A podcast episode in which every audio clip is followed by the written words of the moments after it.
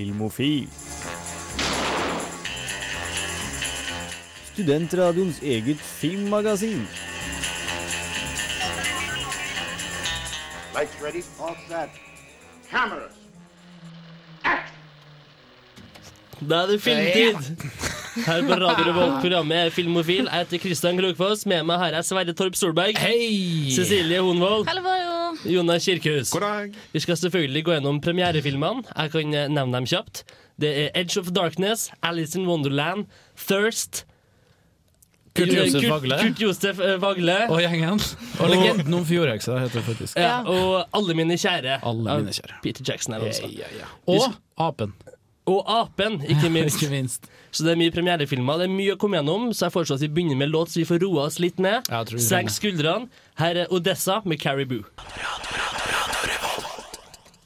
Caribou med Odessa.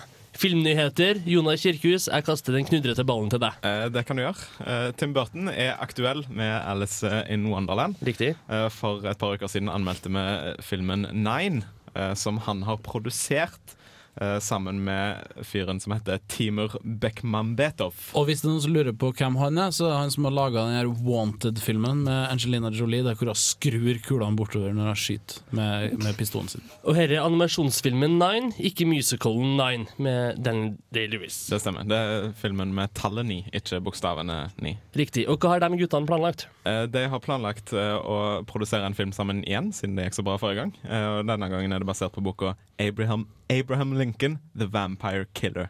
Vampire det er- Hunter heter det. Hunter, ja. Hunter heter Det liker jeg. Så da blir det vampyrfilm à la Burton eh, i eh, en gang. en gang. I en gang. Nei, i en gang. Ypperlig.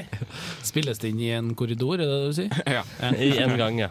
Morsomt. Eh, Humor. Vi ruller videre. Ben Stiller skal lage Zoolander 2. eh, Den populære kom komedien med, Ben sjøl. Og Will Ferrell har sagt at den skal bli med en gang til. Her er Cecilie skeptisk. Jeg syns det høres herlig ut. Jeg digger Will Jeg er ikke så veldig fan av Will Ferrell. Jeg synes Will Ferrell er veldig morsom. Han er sexy, den, Cecilie. Jeg syns han er veldig teit. Ja. Og han er stygg. Men eh, Proffe innspill her, altså. Filmtekniske Jeg innspill. synes jeg er veldig proff akkurat nå. Ja. Uh, nei, men smak og behag, sier jeg. Stygg og teit betyr nødvendigvis ikke ikke morsom. Det er vel ofte Eh, men jeg vil også påstå at han ikke er morsom. Okay. Okay. Typisk guttehumor, tror jeg. Humor. Homer. Ja. Oh, ja. Uansett, for dem som likte Zoolander 1, kan da eventuelt se fram til Zoolander 2. Sikkert mer i samme gata. Det vil jeg anta. Eh, Vi husker den uh, litt uh, slappe, dårlige grøsseren Paranormal Activity. Dessverre. Eh, nå skal de lage en oppfølger, og da har studio ingen andre enn Brian De Palma på ønskelista si, og driver og snakker med han om at han skal lage den. Men det syns jeg høres rart ut. Ja, men Jeg skjønner ikke oppfølger, Fordi jeg trodde alle døde på slutten. Ja, av eneren. Du hørte det her i Filmofil. Sikkert med et nytt hus eller noe sånt. Er det en helt nye mennesker, karakterer, historie? Det står det ingenting om, Nei. eh, men, uh, Men da får vi vente i spenning, dere. Jeg vil anta at det er samme stilen, da, sikkert med sånn home video camera og, og litt uh, Ja, ja. det der. Kanskje det er hun dama sitt nye liv som demon som skal portretteres. Synsing her, altså. Godt forslag. Og spoilers i alle ender. Synsing og spoilers. Ja. Blood on the Wheels, The Reaper.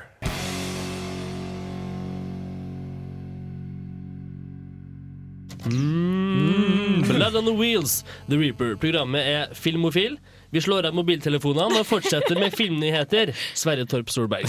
Ja, tusen hjertelig takk. Eh, Tommy Wirkola er ute med en ny film. Vi nevnte den uh, så vidt i stad. Det er Den her uh, Kurt Kurt Josef Josef Vagle og Vagle. legenden om Fjordøksa. Jeg klarte det! løpende bånd, Cecilie. Tusen Ja. hjertelig takk. Eh, det som er litt spennende med denne filmen, eh, bortsett fra at det er en Tommy Wirkola-film som ble spilt inn på ca. tre timer, er at den, er at den kommer i uh, Odorama. Fortell mer. Uh, Det er da første gang siden 1981 det her eh, blir presentert på norske kinoer. Uh, Og det som da skjer, er at du får et luktkort, eller duftkort, når du går inn i kinosalen, med åtte skrapemerker eller sånt på, eh, som da lukter forskjellige ting. Og man da vil da få beskjed om når man skal skrape på det her kortet, for å da få en ekstra eh, dimensjon i filmen. Så det er åtte plasser i filmen hvor en viss lukt på det kortet korresponderer med det som skjer på lerretet. Ja, for eksempel da roser eh, i en scene, eh, kanskje ah, ekskrementer i en annen. Et litt grovere Ja. eksempel, selvfølgelig. Ja. Og hvilke Eh, tanker har du rundt det?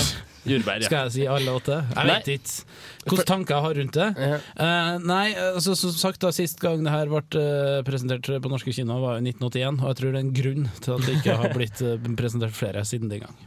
Oscar-utdelinga, Cecilie, den Ja. er nå natt til mandag, eller da søndag natt. Ja, det stemmer. Eh, De skal sende det på NRK1, eh, og sendingen begynner eh, 22.40. Eh, Men eh, selve utdelingen er dessverre ikke før 02.30, så da er det bare å ta på seg pysjbuksa og følge godt med. Altså halv tre på natta. Ja. Jeg vil tro at sendinga som begynner 22.40 er en slags introduksjon, og så Ja, har de en film eller sånn i mellomtida, og så begynner selve Ja, og så er det litt fra den røde løperen og kjolene og kjendisene og Ja, alt all Alt er like. Ja. Ja, Så det er en helaftens eh, både kveld og natt. Så det blir Jeg- spennende. Jeg har vært Oscar-fan i alle de år, og jeg skal sitte opp natt til mandag og se Oscar-utdelinga. Kan du love våre lyttere at det kommer en eh, nettsak direkte som oppdateres jevnlig med forskjellige vinnere osv.? Jeg lover ingenting. Her er Wasabi med Singen. The Zombies med She's Not There her i Filmofil, og det har gått seks år siden, siden vi sist så Mel Gibson på kinolerretet. Actionthrilleren Edge of Darkness er hans store comeback-film, sies det, men det blir aldri mer enn middels underholdende for vår anmelder Sverre Solberg.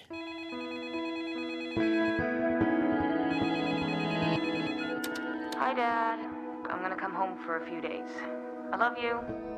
Det blir akkurat sånn som forventa når Mel Gibson inntar rollen som den hevngjerrige politietterforskeren Thomas Craven.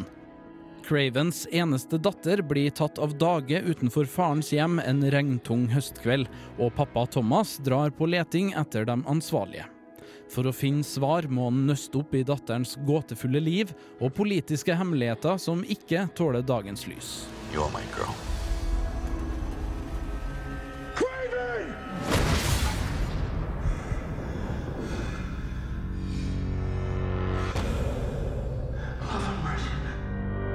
Still a lot of unanswered questions, but it appears Detective Thomas Craven was the intended target. This is someone armed and dangerous. What do you think I am?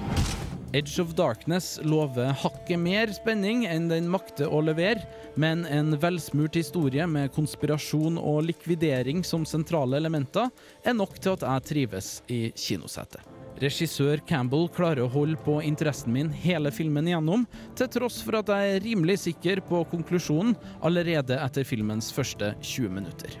Mel Gibson har spilt rollen som hevngjerrig mannsskikkelse tidligere, og gjør det med hell også denne gangen. En skikkelig historie om hevntokt krever at loven brytes, skudd avfyres og øretever deles ut over en lav sko. Sånn sett lykkes Edge of Darkness meget godt. You just never can connect A to B. How do you know that? Because I'm usually the guy that stops you connecting A to B. You're gonna follow me into the city of Boston? Welcome to hell. What's it feel like? Spe i et par kule actionsekvenser, noen stereotypiske bikarakterer, mistenkelige autoriteter og en gritty, halvrealistisk uttrykksform, og du har en helt konvensjonell actionthriller uten de store overraskelsene. Edge of Darkness er klassisk kinounderholdning fra Hollywood, men det gjør ingenting om du venter til den kommer som leiefilm.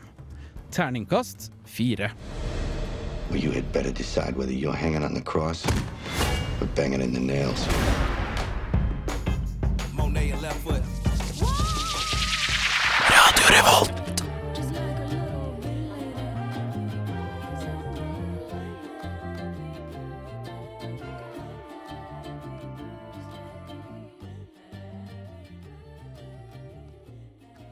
Janelle Monet sammen med Big Boy, da fra Outcast vil jeg anta, med låta Tightrope. Jeg heter Christian Krokfoss, og jeg har vært og sett sørkoreansk vampyrgrøss. Prester og vampyrer. Forbuden kjærlighet og selvskading. Dysfunksjonelle familier og viruseksperiment. Fløytespill og helgendyrkelse. Sex og vold. Ømhet og skrekk. Mange store ord og kontraster, og det er kanskje den beste måten å beskrive Thirst på.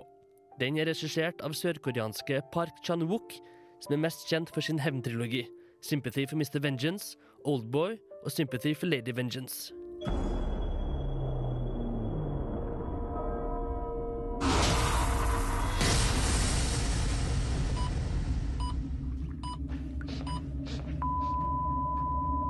Time of death, 3.31 p.m. En prest begynner å bli usikker på sitt tro og virke. I et forsøk på å gjøre en god gjerning, så melder han seg frivillig til et viruseksperiment. Han våkner til live etter å ha blitt erklært klinisk død. Ting har ikke gått helt som planlagt, og nye urovekkende symptomer viser seg i presten. Han gjenopptar kontakten med en gammel venn, og møter en vakker kvinne. Kjærlighet, lidenskap, sjalusi og blodtørst er sjeldent gode sparringspartnere.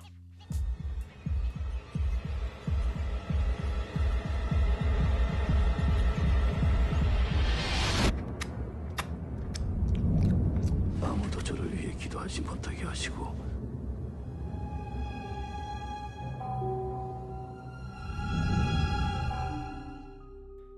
Thirst markedsføres som en skrekkfilm, men har så mange flere elementer ved seg.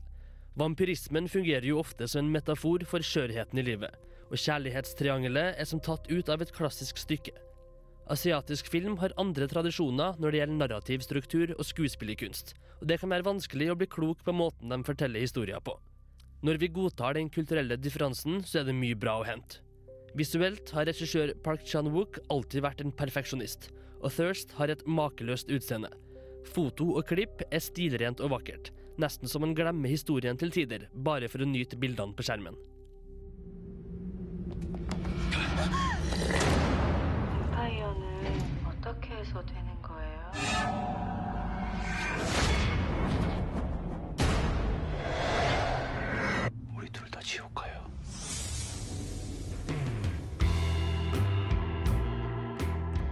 Sex og vold går gjerne hånd i hånd, og her er vampyrsjangeren et ypperlig grunnlag. Det er mye blod og kroppslig ødeleggelse, men også øyeblikk av barnslig nysgjerrighet på kropp og godt voksne elskovsscener. Spørsmål henger også i lufta rundt religion, familie og meninger med de dagligdagse strevelser. Filmopplevelsen er intens, makaber, kjølig og varm om hverandre, og har en spennende vri på kjente sjangre. Thirst gir meg blod på tann etter mer asiatisk grøss.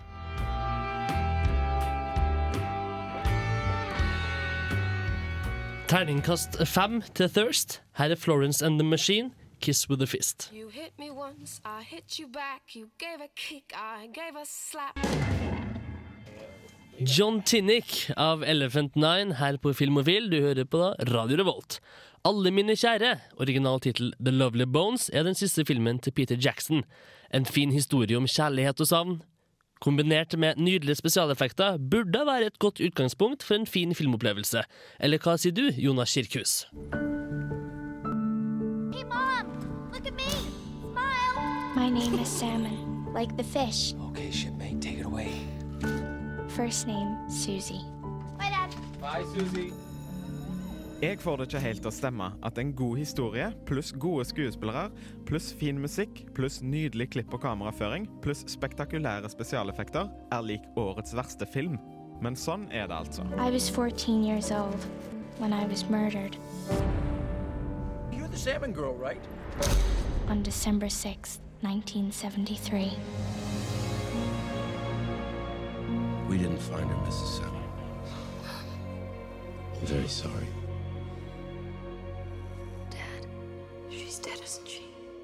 Peter Jacksons nye film 'Alle mine kjære' forteller historien om 14 år gamle Susie Salmon som blir brutalt drept av en forstyrra nabo. Hun kommer til en fantastisk himmel bestående av skrivebordsbakgrunner fra nye Windows, men klarer likevel ikke å gi slipp på alle sine kjære, som sitter igjen uten å vite hvem som drepte henne, og hvorfor. Susie ser ned på en familie som faller fra hverandre, og en brutal morder som foregår fri. I was alive in my own perfect world. But in my heart, I knew it wasn't perfect. My murderer still haunted me. Alt ligger til rette for en fin historie om kjærlighet og savn, med en spennende morderjakt som krydder. Dessverre blir det sånn at riktig pluss riktig er lik feil. Skuespillet er godt, men forsvinner i svevende og lite troverdig dialog. Spennende og følelsesladde sekvenser blir dratt ut så lenge at de mister all sin verdi, og den stemningsfulle musikken blir brukt på en måte som gjør den påtrengende, klisjéfull og slitsom. Alt som blir sagt og gjort skal ha en billig symbolsk betydning, men i stedet for å føles signifikant, blir resultatet en slitsom, pompøs og altfor sentimental CGI-suppe. You miss her, don't you? She's gone. What if she isn't?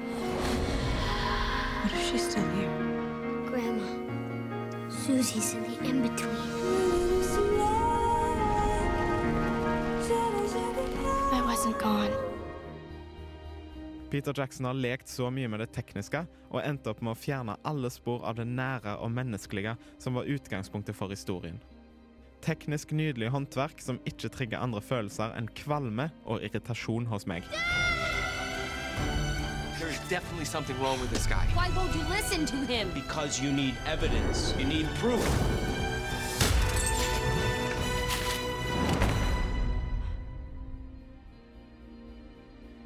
Idet Susan Sarandon kommer inn og gjør en nydelig rolle som alkoholisert bestemor, er det så lenge siden jeg har slutta å ta filmen seriøst at det dessverre ikke har noe å si.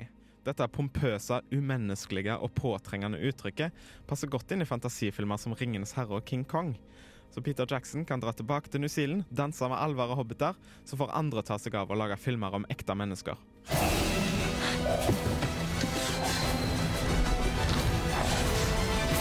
Just leave it alone? Dad! Come on, face me! Don't be afraid.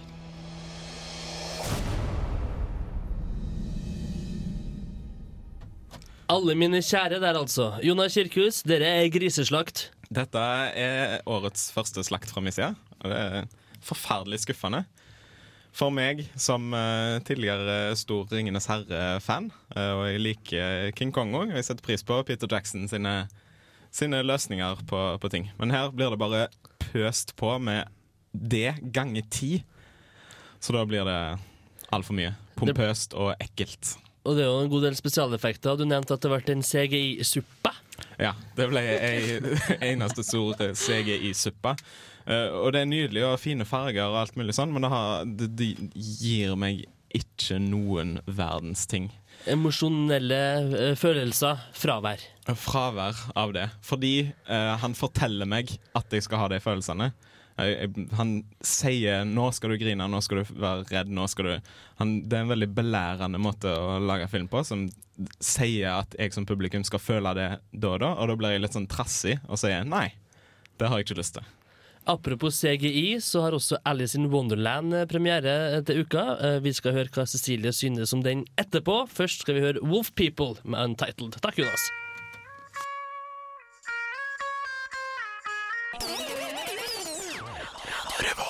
Untitled av Wolf People her i Filmofil. Mange Tim Burton-fans har gleda seg til denne uke her, fordi det er premiere på Alice in Wonderland. Cecilie Hoenvold fikk æren av å ta en titt på den. Alice, meet me under the gazebo in precisely ten minutes. Alice Kingsley, will you be my wife? Alice står ovenfor noen viktige valg i livet. Når den unge lord Ascot frir til henne foran hele forsamlingen til forlovelsesfesten, blir det for mye for Alice. Hun løper vekk og følger etter den lille kaninen i klær, som tydeligvis bare hun ser, og forsvinner ned i et hull i bakken og inn i eventyrland. There is a place like no place on earth. A land full of wonder, mystery, and danger. Some say to survive it, you need to be as mad as a hatter. Which luckily, I am.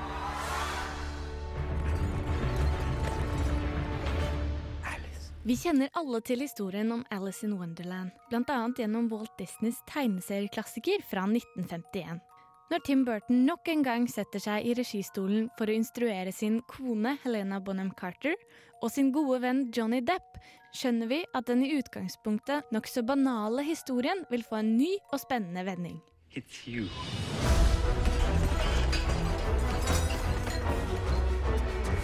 You're back. Alice! Alice! The Alice? You're absolutely Alice. I'd know you anywhere. You're all late for tea! I Tim Burtons filmunivers er det bare fantasien som setter grenser. De herlige karakterene blir gjendiktet med en større dybde enn tegnefilmen. Og Johnny Depp beviser nok en gang at han er en av verdens beste nålevende skuespillere i rollen som den gale hattemakeren. Forholdet mellom Alice og hattemakeren interesserer meg, og utfyller historien godt. Returned to Wonderland. Since you've been gone, the Red Queen has taken over all of Wonderland. Find her!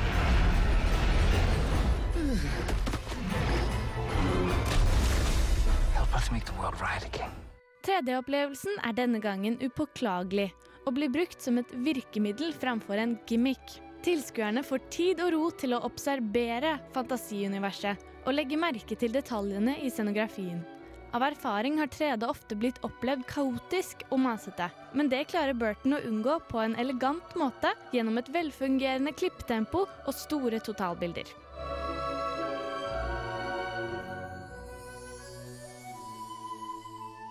I denne versjonen møter vi ikke bare den slemme dronningen Red Queen, men også hennes gode søster White Queen, spilt av den Oscar-nominerte Anne Hathaway. Dette gir et fint og utfyllende tilskudd, og historien får et bredere aspekt. Når det er sagt, synes jeg kanskje at Anne Hathaway var et litt feil valg til rollen, men dette handler kun om smak og behag. This is impossible.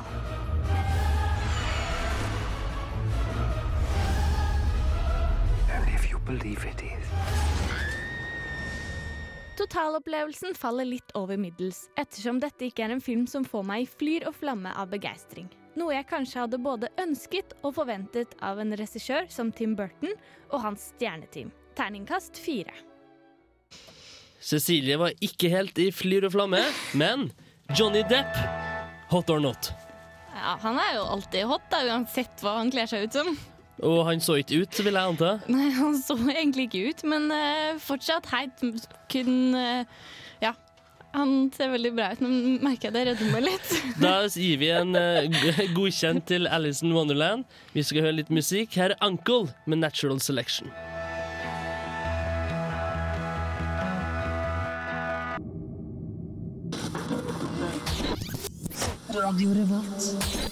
Black Rebel Motorcycle Club med Conscious Killer. Du har en nydelig eh, cockney-engelsk, eh, Krogfoss. Takk for det. Ukas filmlåt, er sjeldent mitt departement, derimot Jonas og Cecilie, opplys meg. Ja, eh, I dag har vi henta litt i hast fram en eh, David Bowie-låt. Og det er jo alltid bra musikk. Eh, og det er fra filmen, animasjonsfilmen Shrek 2. Jaha. Freskt valg. Du sa du hadde en anekdote om låta vi snart skal avsløre, Sverre. Eh, ja, fordi eh, ch ch ch Changes Mm. det er en av de mange låtene som eh, Datarock eh, gjør en hyllest til i sin nye låt. Som er Amarillion. Ja, takk. Eh, en av kanskje dem som er mest fremtredende i den, eh, den låta. Morsomt. Ypperlig valg. Da snurrer vi ukas filmlåt her på Filmofil. Jeg gleder meg.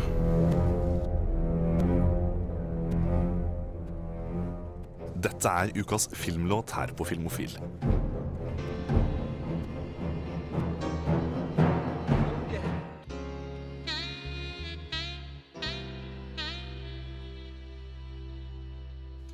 David Bowie med 'Changes'. Apen, en ny svensk arthouse-film som vekker ubehagelige følelser hos vår anmelder Sverre Torp Solberg. Vi våkner ved siden av Christer på badet. Han er blodig og tilsynelatende stressa, men målbevisst. Du får ikke sove nå. Bare. Du får ikke sove nu. Apen er en psykologisk reise i menneskesinnet. Det er en ekstrem situasjon vi befinner oss i, men forløpet og akkurat hva som har skjedd, vet vi ikke. Forhistorien dannes hovedsakelig i publikums egne hoder, men filmen gir oss mange subtile hint underveis.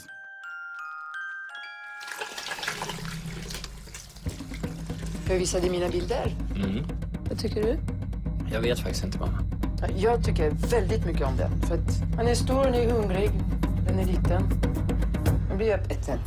Apen er en intim reise med en person du ikke vil reise sammen med, men som har gjort noe som du bare må finne ut av hva er. Etter hvert som jeg får større innblikk i situasjonen Christer befinner seg i, begynner hjernen å jobbe. Jeg ser for meg hva som kan ha skjedd, forløp og omstendigheter som kan ha utløst handlinger som jeg ikke får se, men som jeg likevel kan ane konsekvensene av. Hovedrolleinnehaver Olle Sarri er så til de grader troverdig i rollen som den passivt aggressive Christer at filmen nesten føles som en dokumentar. Regissør Jesper Gansland forteller oss så lite som mulig, men lar intense nærbilder av en desperat mann dominere bildet.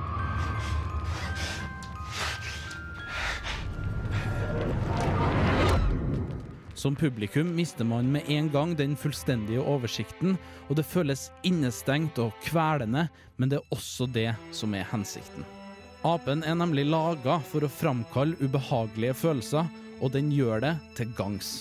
Her er det ingenting som er eksplisitt.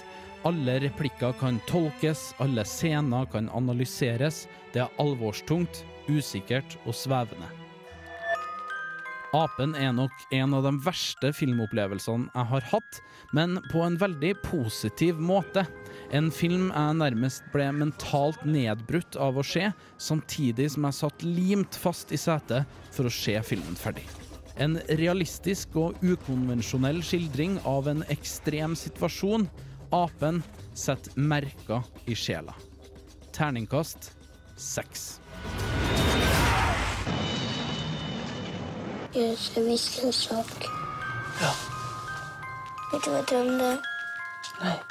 Jeg drømte at alle var djur utom deg.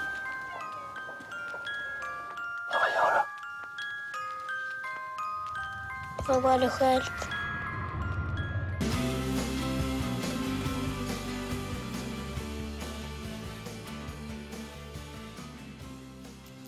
Kurt Josef Vagle og 'Legenden om fjordheksa' er en norsk film som har premiere til helga.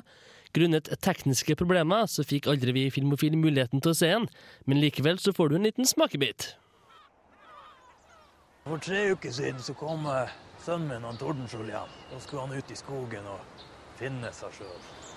Snakke om å være dårlig å lete. Da sa jeg én ting til han. Du krysser faen ikke Melkelva.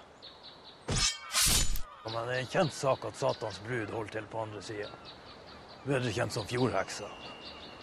Hun suger sjelen ut av folk og koker middag på dem. Så nå skal vi samle en eh, ekspedisjon og se om vi finner han der bortkomne sønnen min. Pappa, hva du gjør her?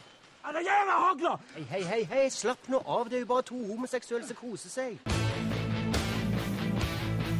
Hvis vi finner hun der fjordheksa, så skal jeg skyte fitthårene av henne. Det har gått i fire timer siden vi fant Tordenskjold, og ennå ikke i nærheten av Melkeelva. Jeg kjenner at det er den veien vi skal gå. Du kjenner at det er den veien, den, den eneste stien som går her. Så for dem som liker litt Tommy Wirkola-stil på sine komedier, så er jo muligens her en anbefaling. Ja, Spilte inn på to og en halv time på, på Finnmarksvidda. eh, To timer og ti minutter har jeg hørt det. To timer og ti minutter, ja. Med, med iPhone. IPhone-kamera. Men du skulle jo egentlig se den, Cecilie. Stemmer Ja, det? ja. Eh, eh, Hadde du fått utlevert et sånn luktekort, tror du? Hvis, eh, Eh, vi, vi fikk ikke det, uh, egentlig. Nei. Nei. Men eh, kan ikke du få utdype det litt eh, om det? Eh, Sverre fortalte jo så fint i stad at det er jo Du får et, utdelt et Odorama-kort hvor du skal skrape skrape sånne små felt på spesielle punkter i filmen for da å lukte samtidig som du ser. Mm. Det er sikkert litt sånn Dissimilis-kort. Hvis det kommer en blå firkant opp i høyre hjørne, så skraper du på den blå skrape eh, biten av kortet, vil jeg anta. Eller noe sånt. kanskje. Kurt Josef Vagle og legenden om fjordheksa der, altså. The Fall of Troy, The Dark Trail.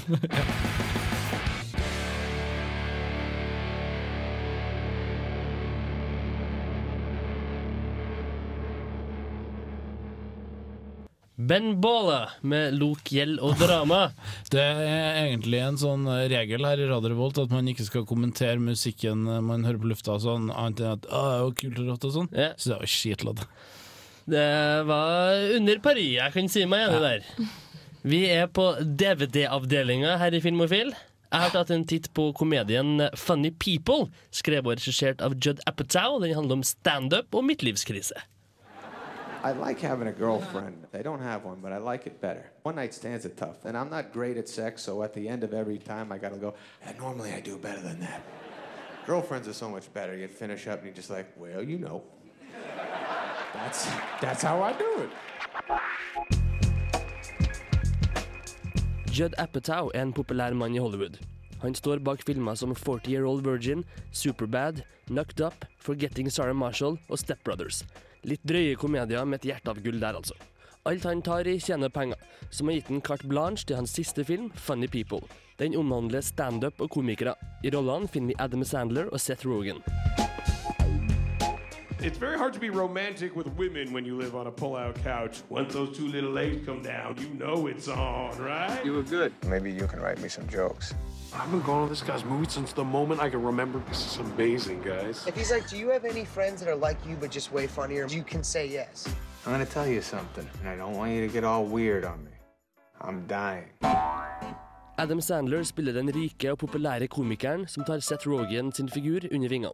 De skal skrive vitser sammen, da Sandler er tapt i en midtlivskrise. Han savner ekskona si og har fått meget dårlige nyheter av legen sin. Sammen skal de få livene sine på rett kjøl, og det viser seg at det er ikke alltid like artig å være moromann. I andre roller finner vi Jonah Hill og Jason Schwartzman som Seth Rogan sine kompiser, og Leslie Mann og Eric Bana som Sandlers ekskone og nye mann. En stor del av filmen ved siden av figurene sine personlige problemstillinger er en god del klipp fra standup-show som regissør Apatow krevde av sine skuespillere. There is always the one girl out there that got away. This is my husband, Clark. The one that got away. Guys have that, and serial killers have that. Hey, you want to talk to me while I try to fall asleep? So, Ira, right, that's not your real name. You're hiding some Judaism. I don't think I can hide that. My face is circumcised. Ah.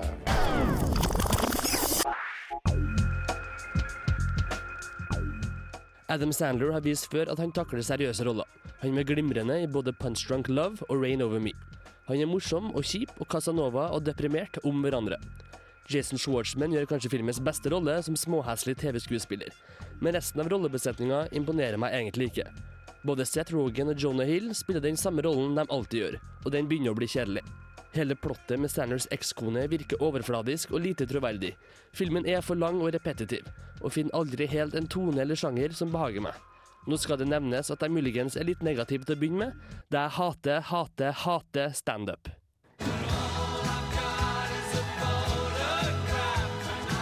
I think he caught a glimpse of something that most people don't get to see. Her husband? He's gonna kill us. He's from Australia. They just kill things there. Don't hurt him! Get in the ball, George! Ball up! Fight like a man, would ya? I don't know how to fight. I'm a comedian! Kjernen i Funny People er vel om umodne menn som må lære seg å bli voksen. Jeg finner utviklinga deres lite troverdig, jeg syns manuset har et merkelig tempo, og jeg syns filmen blir altfor lang. Det er morsomt her og der, men det blir for mye av det samme. I det tilfellet her så er ikke det samme veldig morsomt. Kanskje filmen skulle hett Irritating People, Immature People, Boring People? Både Jub Apatow og Seth Rogan bør lære sin besøkelsestid. Når de inviterer til middag, så serverer de en meget tynn suppe.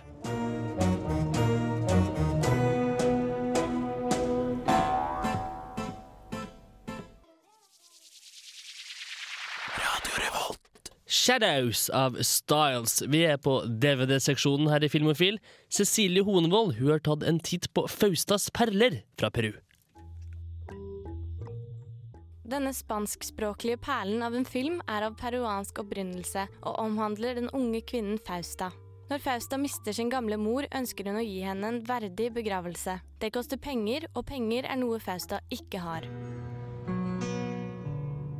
Ella pues estuvo en el pueblo en la época muy dura. Con el terrorismo nació Fausta. Y su madre le transmitió el miedo por la leche. Hun har dessuten arvet noe fra sin mor gjennom morsmelken. En tærende angst som går helt tilbake til da moren var gravid med Fausta på 1980-tallet, hvor hun opplevde grusomheter og terror. Angsten tar såpass overhånd at Fausta plasserer en potet i kjeden for å unngå å bli voldtatt. En utvei finner hun gjennom sin nye jobb som husholderske hos en eldre kvinnelig komponist. Si tú me cantas, yo te regalo una pepita. La teta asustada, así le dicen, nace así como ella, sin alma,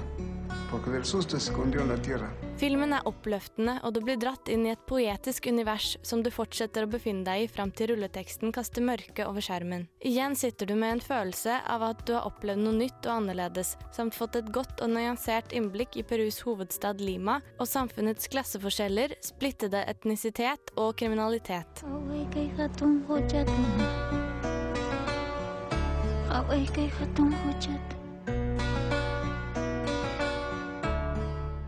Den lokale historien er en viktig bakgrunn for filmen. Krigen mot geriljaen er over, men minnene sitter fortsatt igjen hos folket. Poteten er derfor ikke bare en potet, men et hellig peruansk symbol. Med poteten bruker hun folkelig kunnskap og undertrykte historiske minner som vern mot overgrep.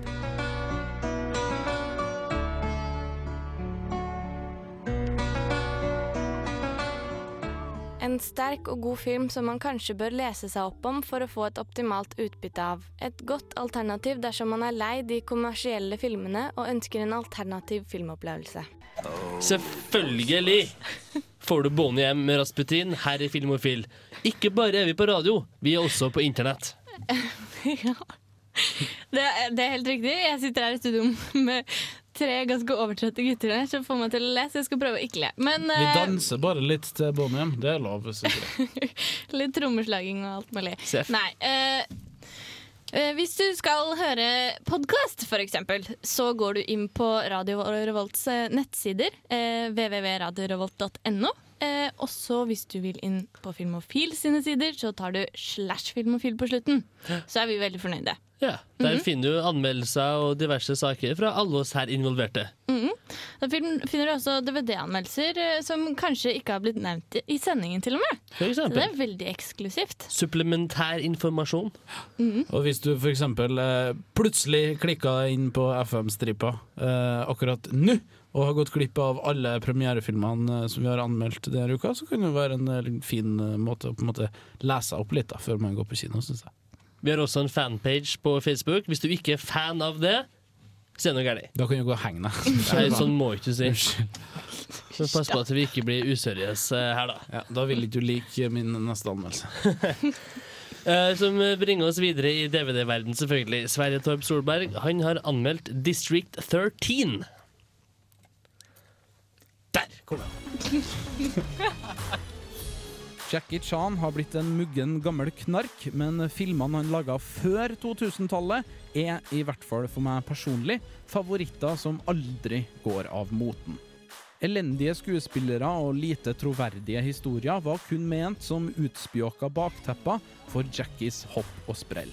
Det ene stuntet overgikk det andre, og alle som ikke ville være Jackie Chan i skolegården, kunne gå og henge seg. Han var den desidert tøffeste mannen både sør og nord for Dovre. Det er kanskje i overkant optimistisk å anta at Jackie skal klare å utføre like syke stunts i dag som for 20 år siden, og det er derfor greit å se seg om etter nye idoler for dagens stuntglade filmgenerasjon. Men nå trenger ikke dere å lete lenger. Cyril Raffaelli og David Bill er her. Ce tableau vaut 200 millions d'euros. C'est un Van Gogh. Une balle perdue, une égratignure, et il vaut plus rien.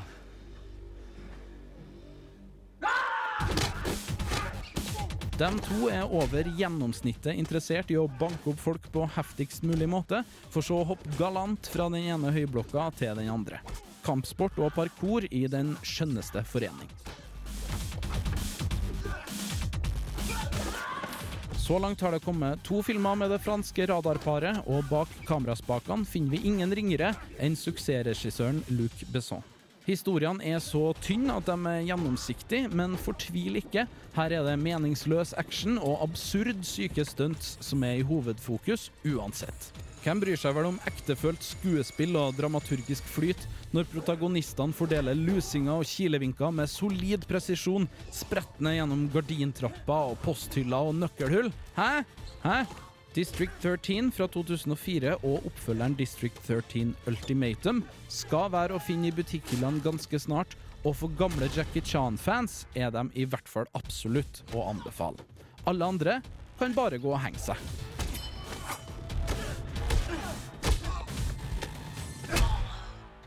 Ærlig kar du, Sverre Torp. Strengt, det klar tale, det der. Strengt at det ikke er en informativ anmeldelse på noen som helst måte. Nei, egentlig ikke. hvis du triller terning på fanskapen. Nei, hvis du liker, det, så ser du det. Og så kan du også le deg Yamakasi, som er av Luke Besson også. Masse artige stunts. 1001 Kill. Kill av eh, 1001, eh, remixet av Amish 82. Michael Jackson kommer med en DVD-uke her. Vi skal høre hva Sverre Torp Solberg syns om den etterpå. Først mine meninger om Steven Soderberg sin siste film, The Informant, med Matt Damon i hovedrollen. They will make me the next president of ADM. How can you possibly stay there when you've just taken down the company? Because they need me to run the company. That's completely illogical. Steven Soderberg står bak filmer som Oceans Eleven, Erin Brockovich, Traffic og Skje. The Informant er basert på en bok som igjen er basert på virkelige hendelser.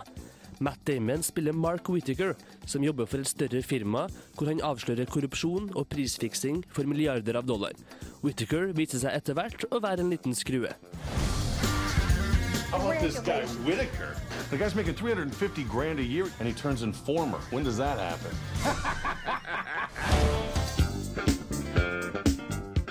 Regissør Soderberg er flink til å variere hva slags filmer han lager, fra snever arthouse til storbudsjett Hollywood action. Likevel har jeg aldri fått sansen for de ferdige produktene hans. Det er noe unaturlig med rytmen og hvordan informasjon blir overført til oss i publikum. En litt sjølgod stil som står i veien for seeropplevelsen. I The Informant er det nesten som om han prøver å lure oss ved å avsløre nye sider av historien og figurene underveis, men det er verken spennende eller morsomt. I want you to keep this secret. Absolutely. Don't tell us anything. It's very important to you, Casey, not discuss this with anyone else. I'm a person of interest in an ongoing investigation. Oh my god.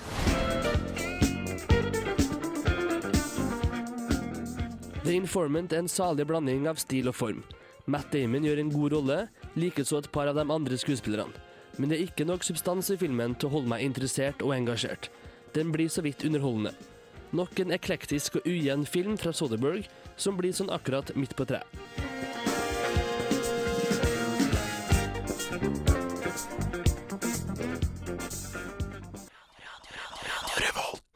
Bob Dylan der, med Subterranean Homesick Blues. Sverre Torp Solberg, selverklært Michael Jackson-fan, har fått gleden av å anmelde This Is It på DVD.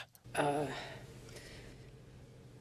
life is hard, right? And uh, kind of been searching for something to shake me up a little bit and give me a kind of a, a meaning to to believe in something. And this is it.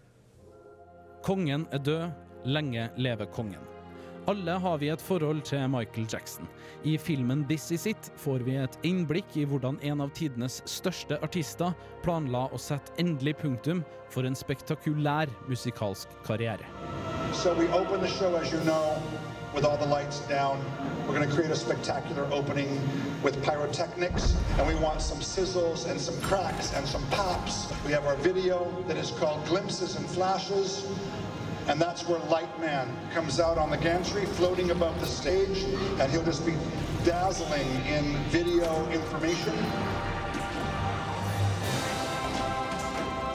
And piece by piece by piece by piece, MJ is revealed until he jumps out. And on Michael's command, we begin Det er noen filmer som får hårene til å reise seg på armene mens kalde grøss svømmer nedover ryggen min. Som konsertfilm er This Is It middelmådig, men som tankeeksperiment og som vitnesbyrd er den enestående.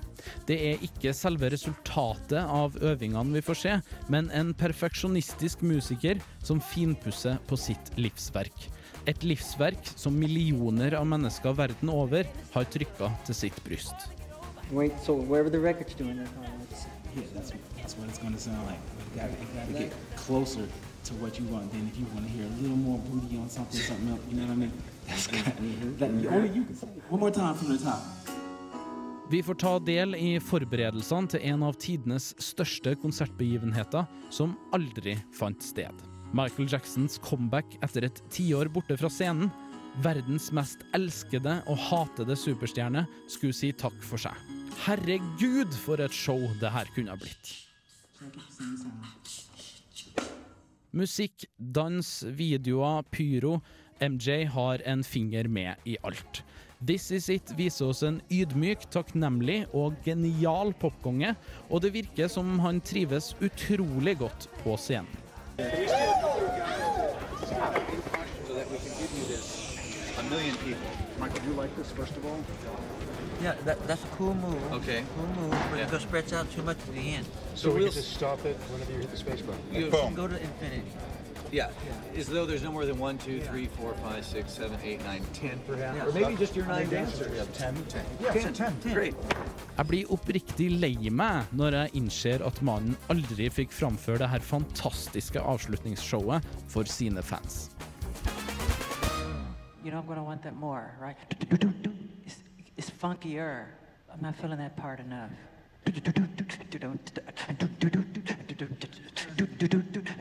As in running next to him. It's not there. Okay, it should be. It should be. It's, it's I know it's all for love. It's coming there. We'll get it there. Foruten selve filmen er DVD-en proppfull av ekstramateriale. To bakom-dokumentarer og fire små featurettes gir Jackson-fans timevis med gripende og tårefulle stunder foran TV-skjermen. Kongen av pop har hatt en lang og stormfull karriere. This Is It setter et verdig punktum.